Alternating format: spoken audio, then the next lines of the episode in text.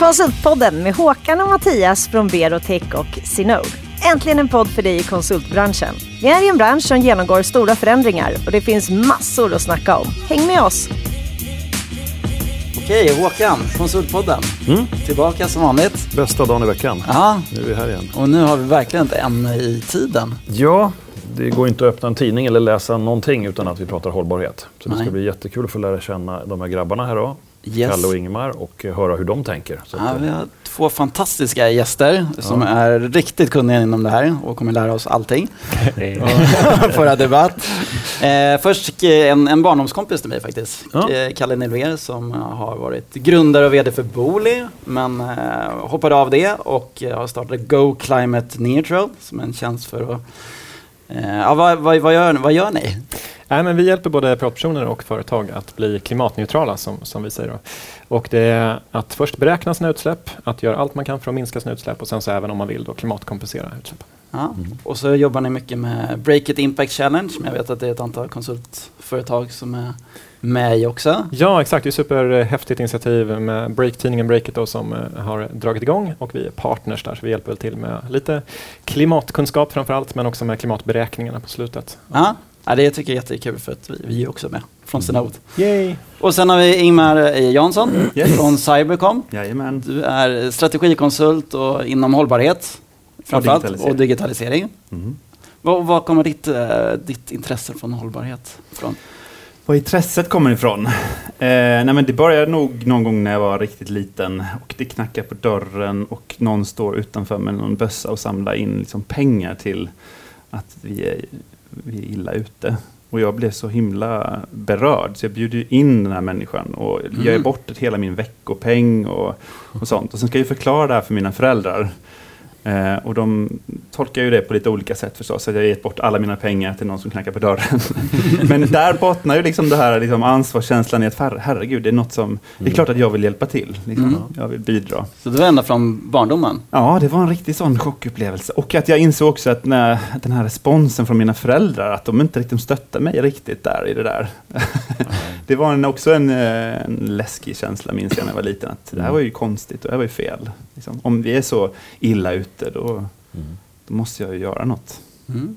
Härligt. Där kommer det, Där skulle jag säga. det. Jag kanske var sju då. Eller något. ja. Okej. Och Kalle, har du också någon chockupplevelse som har fått, fått ditt hållbarhetsintresse? Ja, men det har jag faktiskt. Eh, jag var ju alltså, naturintresserad på nivån att jag kollade på lite tv-program, på, så här, naturprogram på, på tv, så typ inte alls intresserad när jag var, var yngre.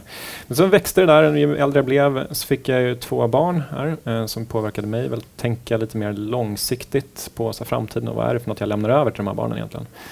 Sen så var jag ner och flög, eh, vi flög alla- alla anställda på Booli.se, mitt ja, förra bolag som jag var med och grundade. Eh, så flög vi ner till Alperna, Chamonix. Så har så här supertydligt minnesbild av när vi åkte en jätte, jag älskar skidåkning. Så vi åkte ner för en jättehäftig skidåkningstur som heter Val de Blanche. Eh, åkte ner för glaciären.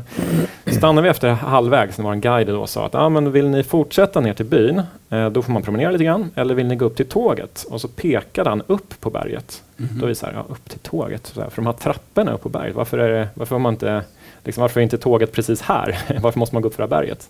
Då sa han, så, nej men det är ju för att glaciären smälter. Den har ju smält ganska länge.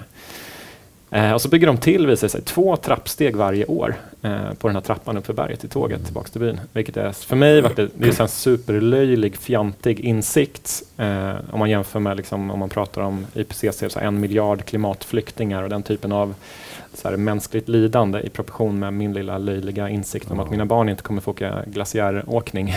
Mm. Oj. så, men för mig var det ändå det som, som fick så här, på något sätt eh, trilla ner för mig eh, och landa i så här, shit, det här händer ju nu. Det här är inget om framtiden.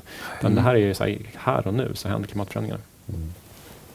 Och, och, men må- måla upp en bild av framtiden och ni kanske har lite olika bilder. Men eh, Kalle, du är väldigt mycket för att vi måste verkligen göra någonting här och nu. Ja, exakt. Ja, men jag tror vi är överens om, eh, om det. Alltså alla som eh, jobbar med hållbarhet och klimatfrågor specifikt nu, så här, läget är akut. Så tittar man på alla hård data, det ser inte bra ut. Och det är till och med rätt, rätt deppigt. Vi pratade här innan om så här, vad, hur pratar man det här, om, om det här med sina barn. Det är rätt svårt, för det är så deppigt. det ser så illa ut.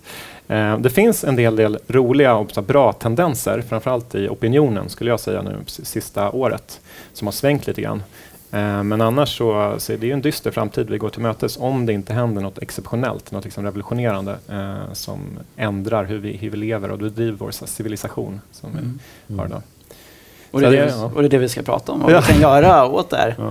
Och Ingmar, ni har ju gjort fantastiska saker på, på Cybercom och framförallt inom fossilfritt Sverige. Kan inte du bara berätta om, om, om den delen? Ja, jag representerar ju Cybercom då, ett konsultbolag. Men, men i det här, nu har jag nog även liksom branschhatten på mig här Mm. också då. För att vi, ehm, eh, det finns ett regeringsuppdrag som kallas eh, Fossilfritt Sverige som då eh, till viss del delar ut uppdrag till olika branscher att ta fram färdplaner för hur de ska bli fossilfria till 2045 som vi faktiskt har tagit beslut på i Sverige. Eh, och då handlar det om hur de kan minska sina, eh, sina utsläpp från befintlig verksamhet. Eh, och vi som eh, digitaliseringskonsulter, vi eh, inser ju att det här, eh, det här låter spännande, det här vill vi vara med på. Men frågan är, vi har ju ganska små utsläpp om vi tittar på vår egen verksamhet. Vi är konsulter, jag menar vi, vi, vi bor i en, eller vi bedriver vår verksamhet i en, en byggnad, så det går åt lite energi och vi reser lite och i annat fall så är vi ganska liten marginell påverkan i samhället. Men å andra sidan, nu är jag digitaliserings och IT-konsult så hanterar vi ju några av de mest kraftfulla verktyg som mänskligheten har skapat. Är artificiell intelligens, augmented reality, internet of things, alla de här grejerna som ligger på folks läppar nu, som vänder upp och ner på hela vårt samhälle. Och det är ju extremt potenta verktyg eh, som accelererar saker, gör saker och ting gå fortare och fortare och fortare. Och det betyder att vi kan naturligtvis accelerera det vi redan gör idag, som man kan säga är dåligt. Alltså, resan mot hållbarhet är inte spikrak och om vi skyndar på som vi gör nu, då går det bara fortare mot det dåliga. Men vi kan använda digitalisering till att också eh, nå de globala hållbarhetsmålen och målet om fossilfrihet. Så mot bakgrund av det så innebär ju det att nej, men vi ska inte titta på vår egen verksamhet så mycket, alltså hur vi kan minska våra klimatbelastning, utan hur kan vi hjälpa alla våra kunder där ute att minska sin klimatbelastning? Mm. Mm. Eh, om, de, eh, om hela världen, alltså våra kunder där ute kan med hjälp av oss minska sin klimatbelastning med 20, 30, 40 procent, då har vi åstadkommit jättemycket nytta. Men vad behövs av oss då? Vad behöver vi kunna förstå? Och det är egentligen det som vår Mm. färdplan som vi har tagit fram då för hur Sverige kan bli fossilfritt till 2045 med hjälp av strategisk digitalisering handlar om. Egentligen. Och det är många konsultföretag som har Ja, skrivit 35 på. Mm. är vi ungefär. Och det är, jag måste säga att det är en av de stora segrarna i det här arbetet också, att vi har samlats. Alltså 35 konsultbolag. Vi hade vd-möte nu för någon månad sedan med de här vdarna. Eh, sitter i samma rum och pratar hållbarhet. Eh, Att se oss Mm. som lösningsaktörer. Mm. Alltså det är många som säger, varför, bryr sig en IT-konsult om hållbar utveckling? Ja, plötsligt så gör vi det allihop. Herregud, vi har möjlighet att faktiskt forma framtiden. Cybercom har ju en, eh, en eh, vad heter det, byline som heter Makers of Tomorrow. Vi tar ju hållbarhet på största allvar och att alla vi som jobbar inom Cybercom, vi ska bygga framtidens Mm. Framtiden tillsammans med hjälp av teknik. Och det tror jag att nu börjar branschen inse det, att vi som är IT och digitaliseringskonsulter, vi har möjlighet att göra det. Men det gäller ju även alla andra konsulter, man behöver Mm. inte bara jobba med IT, man kan ju vara vilken Nej, typ av konsult som helst. Ja, det är det jag hjälper mina kunder med. Så. Det är spännande. Jag tänker du pratar om att vd-nätverket träffas. Och jag tror man sitter i många olika forum idag och pratar om hållbarhet och miljöfrågor som man aldrig gjorde förut. Visst är det så? Mm. Jag menar, Greta-effekten är en del och, och ni kommer från det där hållet och du pratar mer vad kan jag själv göra? Ja, nej, det är fantastiskt hoppfullt. Nu kanske jag började lite deppigt här, men, men det är ju otroligt det kul. Ja, ja, men verkligen. Ja. Att det händer så otroligt mycket nu. Ja. Och det känns ju som, alltså, dels från i konsultbranschen, jag kan tänka mig att era kunder ställer mer och mer krav på, på vad ni liksom levererar vad ni har för krav liksom, internt. Eh, men också så rekryter, om man pratar om ans, alltså Mm. att re Ja. rekrytera framtidens arbetskraft, att de Mm. börjar ställa krav också. Det gör de. Så det finns Mm. jättemånga så positiva tendenser. Eh, det som är tråkigt är att alla hårda siffror tyvärr är negativa. Men hopp, förhoppningsvis så indi- Mm. indikatorerna liksom är positiva. Så vi hoppas att de hårda siffrorna ändras snart också. Mm. Får jag bara tillbaka till Ingmar. Eh, Men jobbar ni mycket med att utbilda konsulter i hållbarhet eller hur funkar det liksom? Vad- Vad är er plan? Eh, ja, det är ju liksom nyckeln Mm. till eh, det här. Jag menar, om vi ska hjälpa våra kunder att minska sina utsläpp, eh, om det är det viktigaste, tycker vi då, så här, då, då behöver vi kunna göra det förstås. Då behöver vi våra anställda förstå eh, hur de ska göra det och vad hållbarhet är. Så faktiskt inom ramen för färdplanen så har vi ju kommit fram till ett, ett gäng åtaganden som vi som konsulter ska åta oss. Och en av de åtaganden är att vi ska enas om en miniminivå för kunskaper bland alla våra anställda. Det nästa åtagandet är att alla våra anställda ska ett år efter anställning nå upp till den Mm. kunskapsnivån. Det är två av de mest basala Mm. åtaganden som vi ska åta oss inom en tvåårsperiod. eh, då. Sen ska vi revidera vår färdplan och komma med nya åtaganden. Eh, Men vi har fler åtaganden än så förstås. Men, men det här tycker jag är så här, eh, självklart att om, om vi som konsulter, vårt största bidrag här i världen, det är vad vi gör med våra kunder. Då behöver vi också förstå hur vi ska rådgöra våra kunder. Ja, verkligen. Jättebra. Får ni några invändningar från kunderna idag i den här frågan eller får ni hejarop? Jag menar, ni går ut och gör ett uppdrag som är förväntat, men Mm. ni har det här perspektivet på allt ni gör. Märker ni, vad, vad säger kunderna?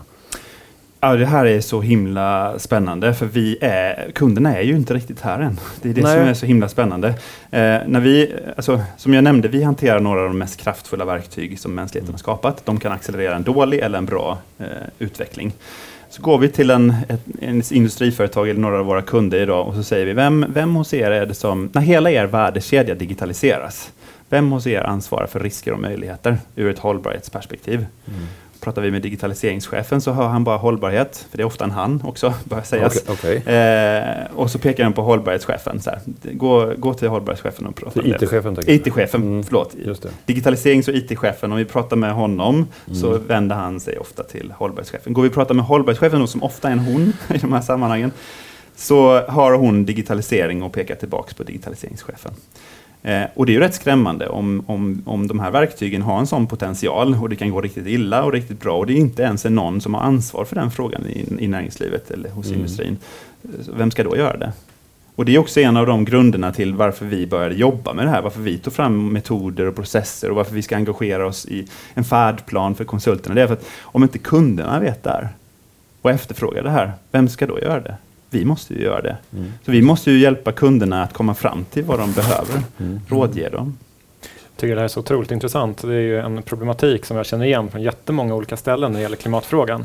Att det alltid är någon som pekar på någon annan. Så här, Mm. men Sverige, ja men det är Kina, liksom, titta Mm, på just det. Kina. Eller ska jag göra någonting? Ja, men jag, har ju, jag, äter ju, eller jag sopsorterar ju. Titta på den andra som inte sopsorterar. Mm. Och det, kan man då, alltså det exemplet finns så många gånger. Eh, Men någonstans kommer ju lösningen på det är ju precis samma sak som du säger här Ingmar. Att det, eh, det gäller ju att börja med sig själv. Så här, man börjar med sig själv och försöker göra någonting. Varje ton koldioxid som vi, vi förhindrar från att komma ut i atmosfären räknas. Så här, och där kan man göra någonting nu, eftersom läget är så akut. Kan man göra någonting nu så, är det liksom det, så måste ju det göras. Det måste vara liksom vårt moraliska ansvar att göra det. Och vad tycker du konsultbolag kan göra? Det som konsultbolag internt och, och kanske också individ. Ja, men jag tycker det var intressant det du sa Ingemar här också. Jag håller inte riktigt med, det är kanske en semantikfråga. Du sa att det, det viktigaste vi kan göra är våra kunder. Jag håller med om att det är förmodligen det största vi kan, man som konsultbolag kan göra, där man kan göra störst impact. Det håller jag med om. Jag tror att vi måste börja inifrån och att det viktigaste är att börja så med sig själva. Så, okay, men hur lever vi egentligen idag? Så, vad, ni har ju Makers of Tomorrow, eh, visst var det så? Mm. Så här, vad, vad är vårt why? Varför finns Mm. vi? Eh, om man kan börja där och sen låta det ta konsekvenser i vad har vi för policies egentligen när det gäller resande? Så här, är det faktiskt så att vi eh, flyger lite för mycket? Kan vi ta videosamtal lite oftare? Kan vi ta som default att köra vegetariskt på våra event för att Mm. ändra liksom, normen? Och sen så om man vill äta kött så får man ju välja till det. Liksom. Men kan vi Eh, vi jobbar ju med Netlight mycket. De kör ju den här first policy-grejen. Att så här, fix first. Så här, kan vi fixa de här em, datorerna först innan Mm. vi köper en ny dator? Kan vi ja, ta train first, eh, veggie first? Så den typen av så här, policies. Och veggie first, bara förklara för. Ja, men det är att Och vegetariskt ska vara det standardalternativet. Då, så får man istället för tvärtom då, att kött brukar vara väldigt, standard. väldigt enkel och bra grej. Gjorde inte han Sygny-vdn samma sak? Nej, det var, det var faktiskt Netlight, Erik. Det är så många Yes. trevliga människor vi träffar. Ja, det var Erik som pratade om det. Nej, men det, det tror jag jättemycket på. Och sen Mm. så som nästa steg då, så här, mäta sina egna utsläpp så man Mm. fattar vart har vi egentligen störst utsläpp. Så man inte tror att det är, för oftast är det inte sopsortering. Det är Mm. Helt obetydligt för klimatet. Mm. Men, utan oftast är det för tjänstebolag som konsultbolag så är det oftast resor som är det största. Mm. Men det är bra att mäta det. Och sen så tror jag också att det, man ska ta ansvar för det genom klimatkompensering och, och faktiskt klimatkompensera här och nu. Eh, Mm. Och sen så då i sista steget då, när man är klar och det har kommit inifrån och ut, från Wyatt och ut, även ta ansvar. Det är det som är så coolt med konsultbranschen tycker jag. Man är ute hos så många kunder Ja. som har enorma koldioxidavtryck Mm. där man kan kanske ha en, en jättehävstångseffekt på de kunderna. Det Så Det kan ju vara så också, förlåt att jag avbryter Kalle, men det kan ju vara så att vissa, fler kunder än de du har mött Ingemar är inte riktigt där ännu som du sa. Man kan ju ganska snabbt göra skillnad då. Om det är så pass många människor som pratar om rätt Mm. sak. Ja, alltså det finns en enorm... Och, och jag måste säga att även om vi då har fått den här responsen att, som pekar på varandra och så här, så inser de ju ganska omgående att shit, Mm. liksom. Mm, då lyfter ni Eh, ett, någon ett problem. eh, Mm. tilldela ansvar. Punkt Precis. ett. Liksom. Okej.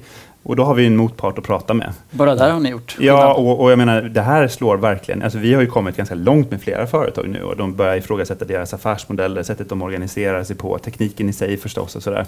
Eh, men eh, första steget är ju bara förstå vem, ska, vem är ansvarig. Precis. Så Man måste f- lyfta sig i håret här, tänker jag. Mm. Så det är väl något att ta hem, tänker jag. Redan verkligen. efter tio minuter, va? Herregud. Ja. Va? Lärandeprocess på podden igen. Men det Verkligen. som, det som är så coolt tycker jag är att det får en direkt effekt i tror jag, ens attraktivitet för, eh, Yes. för, för ja, eh, Nej men man till, tillbaka till det, jag tror att det är jätteviktigt. Vi, vi ser ju alla mätningar tyder på det, yngre människor, det är, hållbarhet är jätteviktigt när de väljer arbetsplats. Så att, eh, har man en, en bra policy och pratar med det i rekryteringen så man ju definitivt större chanser att hitta rätt. Men jag tror att man är rädd. För att det man säger att man då vill vara måste man också försöka leva efter. Mm. Och det finns ju det Måste finns man. ett glapp här emellan. Yes. Att, att uppfyllelsen av det här är svår att nå. Då. Och då gäller det att vi lär oss hur man ska komma dit. Det måste vara en utmaning för inte bara konsultbolag utan generellt sett. Mm. Och här är ni, ni företräder två olika sätt att nå insikter och kunskaper och göra skillnad. Finns det flera sätt? Kalle? Eh, oj, vilken fråga. Det, jag vet inte om jag är rätt person Nej. att svara på det. Ja, men, ja, men du förstår vad jag är ute efter. Det, det gäller att liksom få oss att ta steget. Mm. Vi måste lära oss mer hur vi ska göra det. Mm. Men jag, vill ha- haka på lite här bara. Ni Mm. vi pratar om så attraktionskraft och så. Mm. Och Cybercom upplever ju att eh, de som vänder sig till oss nu, de har ju en enorm drivkraft att faktiskt bli en maker of tomorrow. Mm. Ja. Alltså, det handlar inte om att flytta en tegelsten, utan att bygga ett hus. Mm. Vi ska bygga ett hållbart samhälle och vi vill använda din kompetens hos oss för det. Eh, och det är ju attraktivt. Jag Mm. menar visst, jag kan tjäna pengar. Mm. Jag kan bli jätteframgångsrik i så många verksamheter, men om jag inte har möjlighet att uttrycka någonting annat eller förverkliga någonting annat och bidra genom min yrkessituation så Mm. kanske inte det är värt tillräckligt mycket ändå. Nej? Eh, Och, och det märker vi, engagemanget för de som kommer till oss. Vi har ju otroligt hög kvalifikationer på de som söker, även av kanske inte alltså, eh, de mest kvalificerade tjänsterna, så kommer det folk som verkligen vill jobba för Cybercom. Mm. För de vill vara en maker of tomorrow. Mm. Det är så coolt. Vi la ut en anställningsannons här i somras och fick över 500 ansökningar. Eh, Det tycker jag är så, Oj, oj. för Det är galet. Jag har jobbat mycket med rekrytering tidigare för IT-bolag och det är ju så här 500, vi har aldrig varit i närheten av ens en procent, eller ja, 10 procent av det. Ja, men det Så finns det ett super- behov hos individen att hitta de här bolagen där man Ja. känner att man kan göra skillnad. Jag tror också att det är de, i alla fall när jag skulle bygga, ha byggt liksom historiskt för företagskulturer, det är ju den typen av människor man vill ha, Ja. som vill forma framtiden, som vill Mm. vara med och bygga ett hållbart samhälle. Mm. Om man ska välja mellan dem och de som så här, inte bryr mig, jag vill, jag vill tjäna lite pengar, så här, ja, men, vilket tror ni kommer bygga den bästa kulturen? Vad blir, göra Mm. er till det roligaste konsultbolaget? Precis. Jo, men det är ju de som är lite woke som är med, liksom, Mm. som, ja, som är insatta. Så, Så att det är, Om du vill bidra, kom och gör det. Vi, tar, vi, vi värdesätter din, Ja. din vilja att bidra. Mm. Det tror jag är attraktivt. Mm. Men om man är konsult, hur ska man prata med kunden om, om hållbarhet och den, den lilla konsulten ute på sitt projektledare, utvecklare eller eh, produktutvecklare? Hur man ska prata med konsulten. Nej, men prata med kunden. Med kunden? Om man sitter ute på ett uppdrag. Jaha, eh, ja, det man vill lyfta på. den här frågan. Ja, det beror på vilken roll man har förstås hos kund.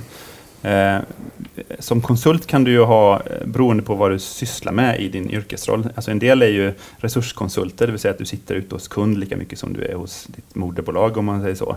Och då beror ju på vad du ägnar dig åt. Är du en utvecklare eller är du en, liksom en ingenjör av något slag så, så kanske det inte alltid är så enkelt att påverka vad som ska göras. Och då behöver vi ju förstå vad kan jag göra i min roll här Mm. nu i teamet. Om jag ingår i team på min arbetsplats, vilken roll har jag då? Är jag product owner, agil coach? Vad är jag för någon typ av roll? Och förstå hur jag kan påverka mitt bolag som jag agerar, alltså kunden, eh, i så stor utsträckning som möjligt. Då. Så det är en resa som man behöver göra som konsultbolag och förstå hur kan varje konsultroll bidra i så stor Mm. utsträckning som möjligt.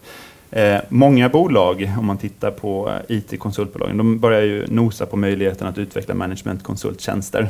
För att de vill röra sig upp i beslutshierarkin, komma tidigare in i, mm. i bolagens eh, möjligheter att köpa eller fatta beslut. Och det ligger ju i samma intresse här, för att eh, normalt sett så svarar ju en konsult på en förfrågan Eh, och, och, om vi kan bygga det. Och så svarar vi på den. Eh, och då har vi inte påverkat så mycket.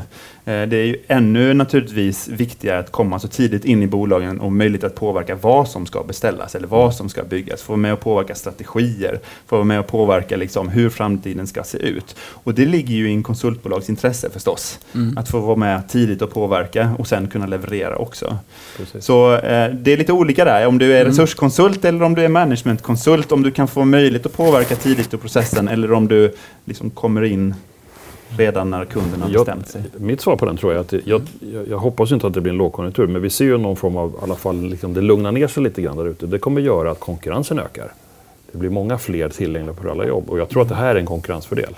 Mm. Så kan man jobba med idéförsäljning även för resurskonsultverksamhet där man har ett fokus kring den här frågan, då kommer man kunna komma på kundbesök.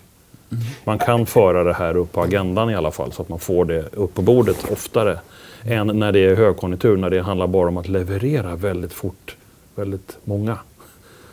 Ja, men ja. Alltså, nu pratar jag ju ur min roll och digitaliseringssidan då, men det här är två disruptiva krafter, enorma krafter som, eh, som påverkar vår samhälle nu. Alltså digitalisering vänder upp på saker, men det gör ju hållbar utveckling också. menar, priser på resurser kommer skruvas åt, lagstiftningen skrivs, eh, skruvas åt och så vidare. Så de bolagen som inte har fått digitalisering, hållbarhet att funka ihop och hur, förstå hur det påverkar deras affärsmodeller och så vidare, kommer ju inte ha, vara lika, lika konkurrenskraftiga helt enkelt. Så det finns eh, hur mycket incitament som mm. helst för bolagen där ute att förstå hur hur det här ska gå till. Och de behöver massa hjälp av oss konsulter. Eh, för det är svårt att skaffa sig den kompetensen i ett bolag. Den kanske man behöver köpa in. Och vilka är mer lämpade för det än, än oss konsulter? Ja, att förstå hur vi ska hjälpa våra bolag. Ja, verkligen.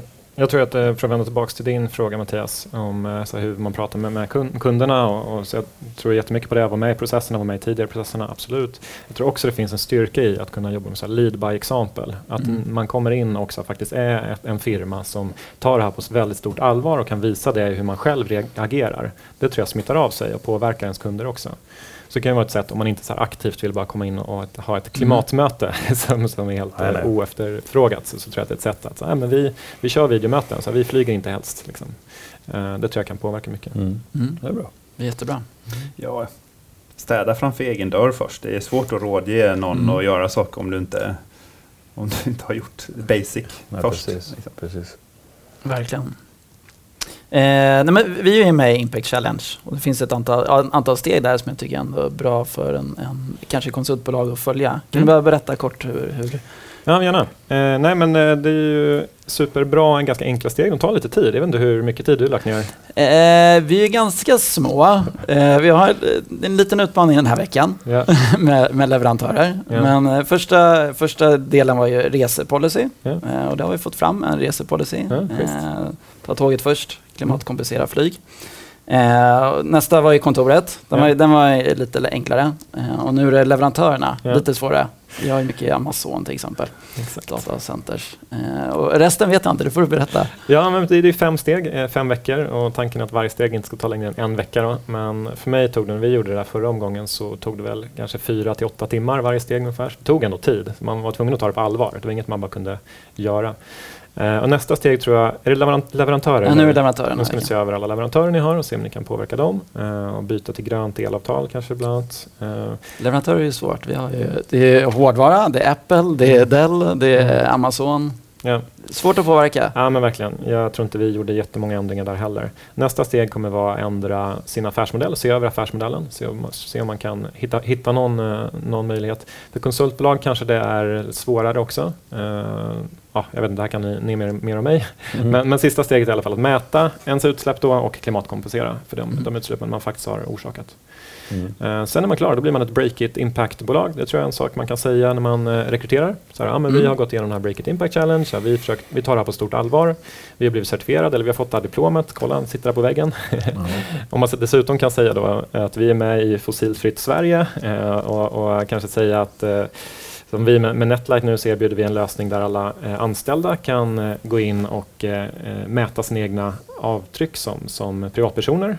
Så har man den typen av verktyg som sitt erbjudande till, till nyanställda så tror jag att det är, det är så ett ganska starkt eh, Mm. paket. Och så Break- nästa gång och, och påverka kunderna. Ja, absolut. Vi pratade, du nämnde där affärsmodellerna och det har vi ju nästan nämnt lite grann nu. Mm. Alltså, vad, att, att det är vi som, eh, det är vi som, eh, som konsulter som kan göra mest nytta hos våra kunder. Och det är ju själva affärsmodellen. Det är ju det vi säljer, vårt värdeerbjudande till kunden. Och om, som konsult, om vi kan föra in hållbarhet i vårt värdeerbjudande, att vi Mm. kan det och re- rådgör våra kunder, då är det ju en förändring av affärsmodell Det också. blir nästa, ja, absolut. Mm. Mm. Nästa steg. Härligt! Ja, är. Vi börjar lösa saker här. Ja. Det gillar jag. Nej, men det jag verkligen vill uppmuntra alla liksom, lyssnare till det är att här, titta på det här idag. Liksom, klimatförändringen här idag, läget är akut och jag tror att det finns jättemycket att vinna som konsultbolag Mm. om man faktiskt agerar idag. Dels i attraktiviteten som för, för ny, ny personal men också mot kunder och som du var inne på Ingmar, så här, jag tror att det här här, kommer skruvas åt mer och mer. Så ställer man om redan idag så kommer man ha bättre förutsättningar att vinna uppdrag i Mm. framtiden. Mm. Så en, alltså konsultbranschen är ju en av de branscherna som är så här, har mest att vinna på att ställa om idag. Mm. Intressant. Intressant. Och vi pratade lite om klimatkompensation. Har ni lite, och lite olika eh, synvinklar här. Det tycker jag är intressant. Och eh, ni jobbar ju mycket med det, Kalle. Eh, berätta, man, man mäter sitt utsläpp och sen så betalar man peng och sen gör ni bra projekt som tar bort eller förändrar klimatavtryck. Ja, precis. Ja, men det finns ett jättestort behov av klimatfinansiering i världen. Eh, vi behöver eh, ja, dirigera om jättestora summor pengar till där de behövs för att ställa om till ett fossilfritt samhälle. Det är inget som kommer bli, bli gratis, det behövs enorma liksom, mängder pengar. Och klimatkonventionen är ett verktyg. Då. Det är verkligen inte perfekt. Eh, det finns många så här, historiska klimatprojekt som har varit dåliga.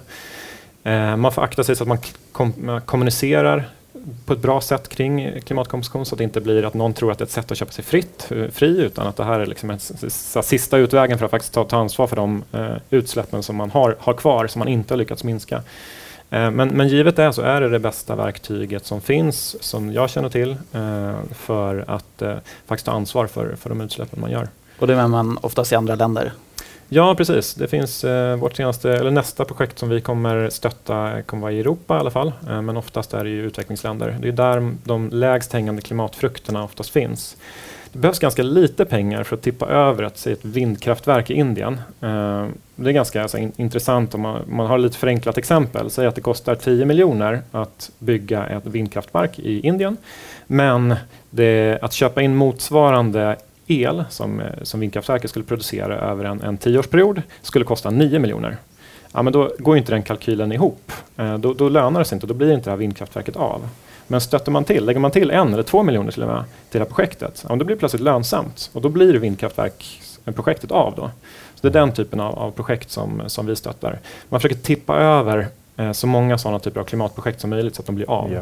Mm. Och det är lite som så svenska solcellsstödet funkar. Så att man får, bygger man solceller får man, man tillbaka man får ett bidrag. Mm. Och det gör så att jättemånga fler solceller byggs i Sverige. Mm.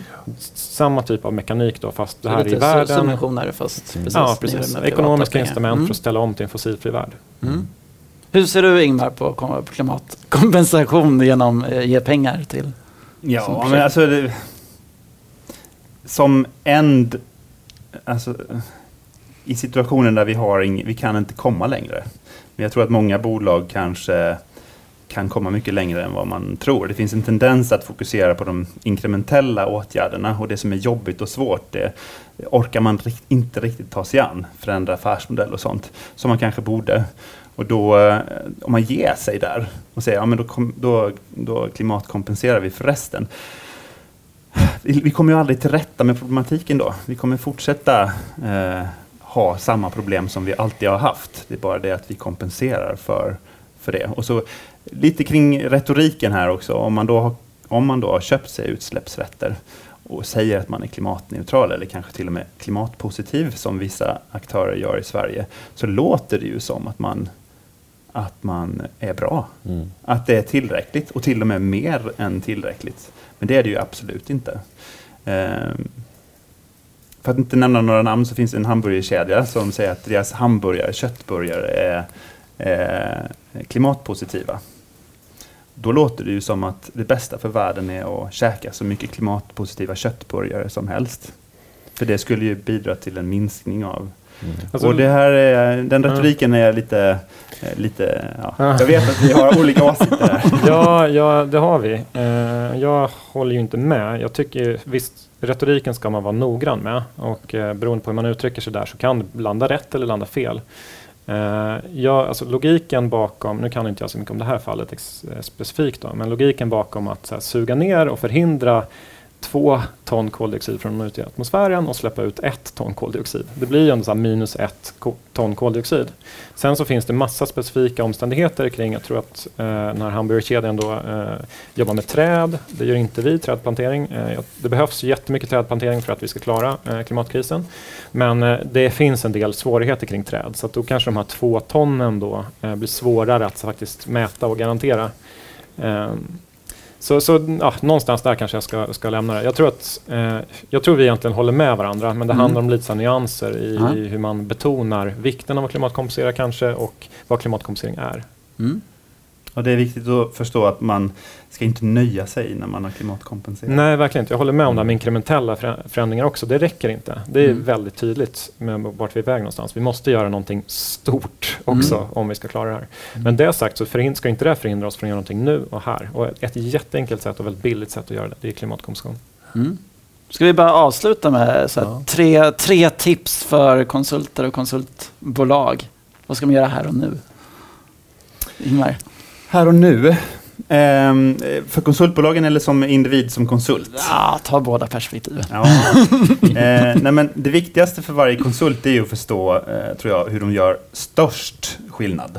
Mm. Kunskap. Ja, kunskap. Alltså vad de kan göra tillsammans med kunden. Mm. Eh, om man inte förstår det, så ta reda på det. Det finns en färdplan, eh, det finns eh, massa kompetens där ute, så det är bara att höra av sig. Jag ska också blogga, tänkte Ja. jag, åt, åt dig. Så Ja. jag kommer komma med lite konkreta tips. På Så läs er, kommer en eh, blogg. Kalle, nu får Kalle också blogga. yes. Ja, men gärna. yes. det är bra. Ja. Bra. Det var ett bra tips. Jag nöjer mig så. Ja, bra. och Kalle, har du så här tre konkreta tips? Vad, vad, vad ska man göra just nu om du sitter och lyssnar? Nej, men vi har varit inne på det. Det är väldigt enkla saker tror jag som man kan göra här och nu. Det tar lite tid men det är så himla värt att göra. Eh, Man kan höra av sig till någon som eh, så kan det här om man vill ha hjälp men annars är det bara att avsätta lite tid. Eh, Det är inte raketforskning. Det är ganska enkla saker man kan göra.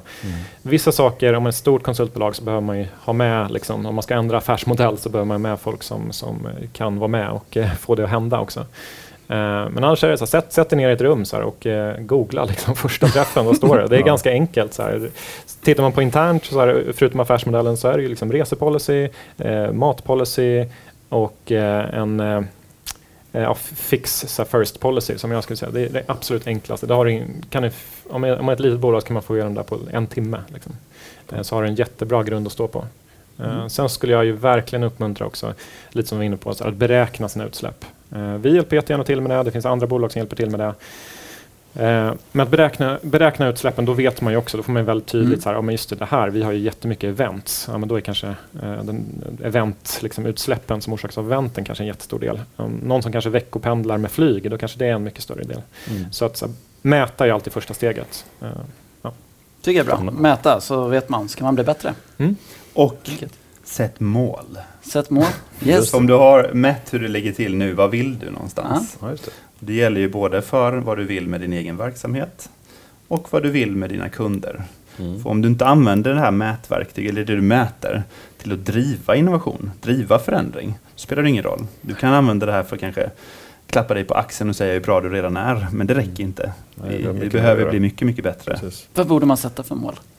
Ja, du behöver, behöver sätta mål för hur du, hur du kan eh, förändra dina Mm. kunders beteende. Mm. Till exempel, jag ska minska mina kunders klimatbelastning med 20 procent. Mm. Det är Det är bra det. konkret. Ja, det är bra. Härligt. Håkan, har du någon mer spaning? Nej, jag bara känner eh, inspiration. Eh, Ja. Du pratar om att det är lite deppig information och sådär, men det ändå känner jag väl att det mesta är fortfarande ogjort. Visst är det så? Även om vi har en kurva som är hyfsat negativ framför oss så är det, det vi pratar om är ganska jungfruligt. Det är inte många som ännu är på den här bollen. Så jag känner någon form av tillförsikt. Mm. Eh, Och är jättetacksamma för att få höra er två, Ingemar och Kalle här, pratat om och lärt mig en hel del idag. Så stort Ja, tack för det. verkligen. Stort tack. Har ni, har ni någon så här tips på, på framtida gäster i Konsultpodden? Måste det vara en konsult? Eller? Nej, det måste det inte vara. Alltså, en som jag, jag ser upp eh, mycket till är ju Erik Ringertz och Netlight. eftersom vi Han har ju redan varit där. Han har ju redan varit där. Så, Ja, att- så jag, får, jag får återkomma. Nästa blogginlägg så kommer några tips också. Yes. jättebra. Eh, men jag skulle vilja rekommendera min mentor Dennis Pamlin. Ja. eh, som kan tio gånger så mycket som jag i samma ämne och dessutom är internationellt erkänd på det här området. Härligt. Då får vi återkomma till det här Mm. ämnet. Det kommer vi, det kommer vi säkligen göra. Det hoppas jag. Och som sagt, det är, ju, ja, det är bra för klimatet men det är bra som konsultföretag att bli attraktiv. Så det är mycket win-win.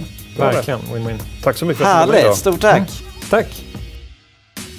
Det här var nummer 20 av Konsultpodden. Och med oss hade vi två hållbarhetsexperter, nämligen Kalle Nylver, medgrundare på Go Climate Neutral och Ingemar Jansson, senior rådgivare och strategikonsult inom digitalisering och hållbar utveckling på Cybercom. Som vanligt hörde du även Mattias Loxi och Håkan Mild Svensson på Berotech och Synode och vi har producerat hos Septemberfilm.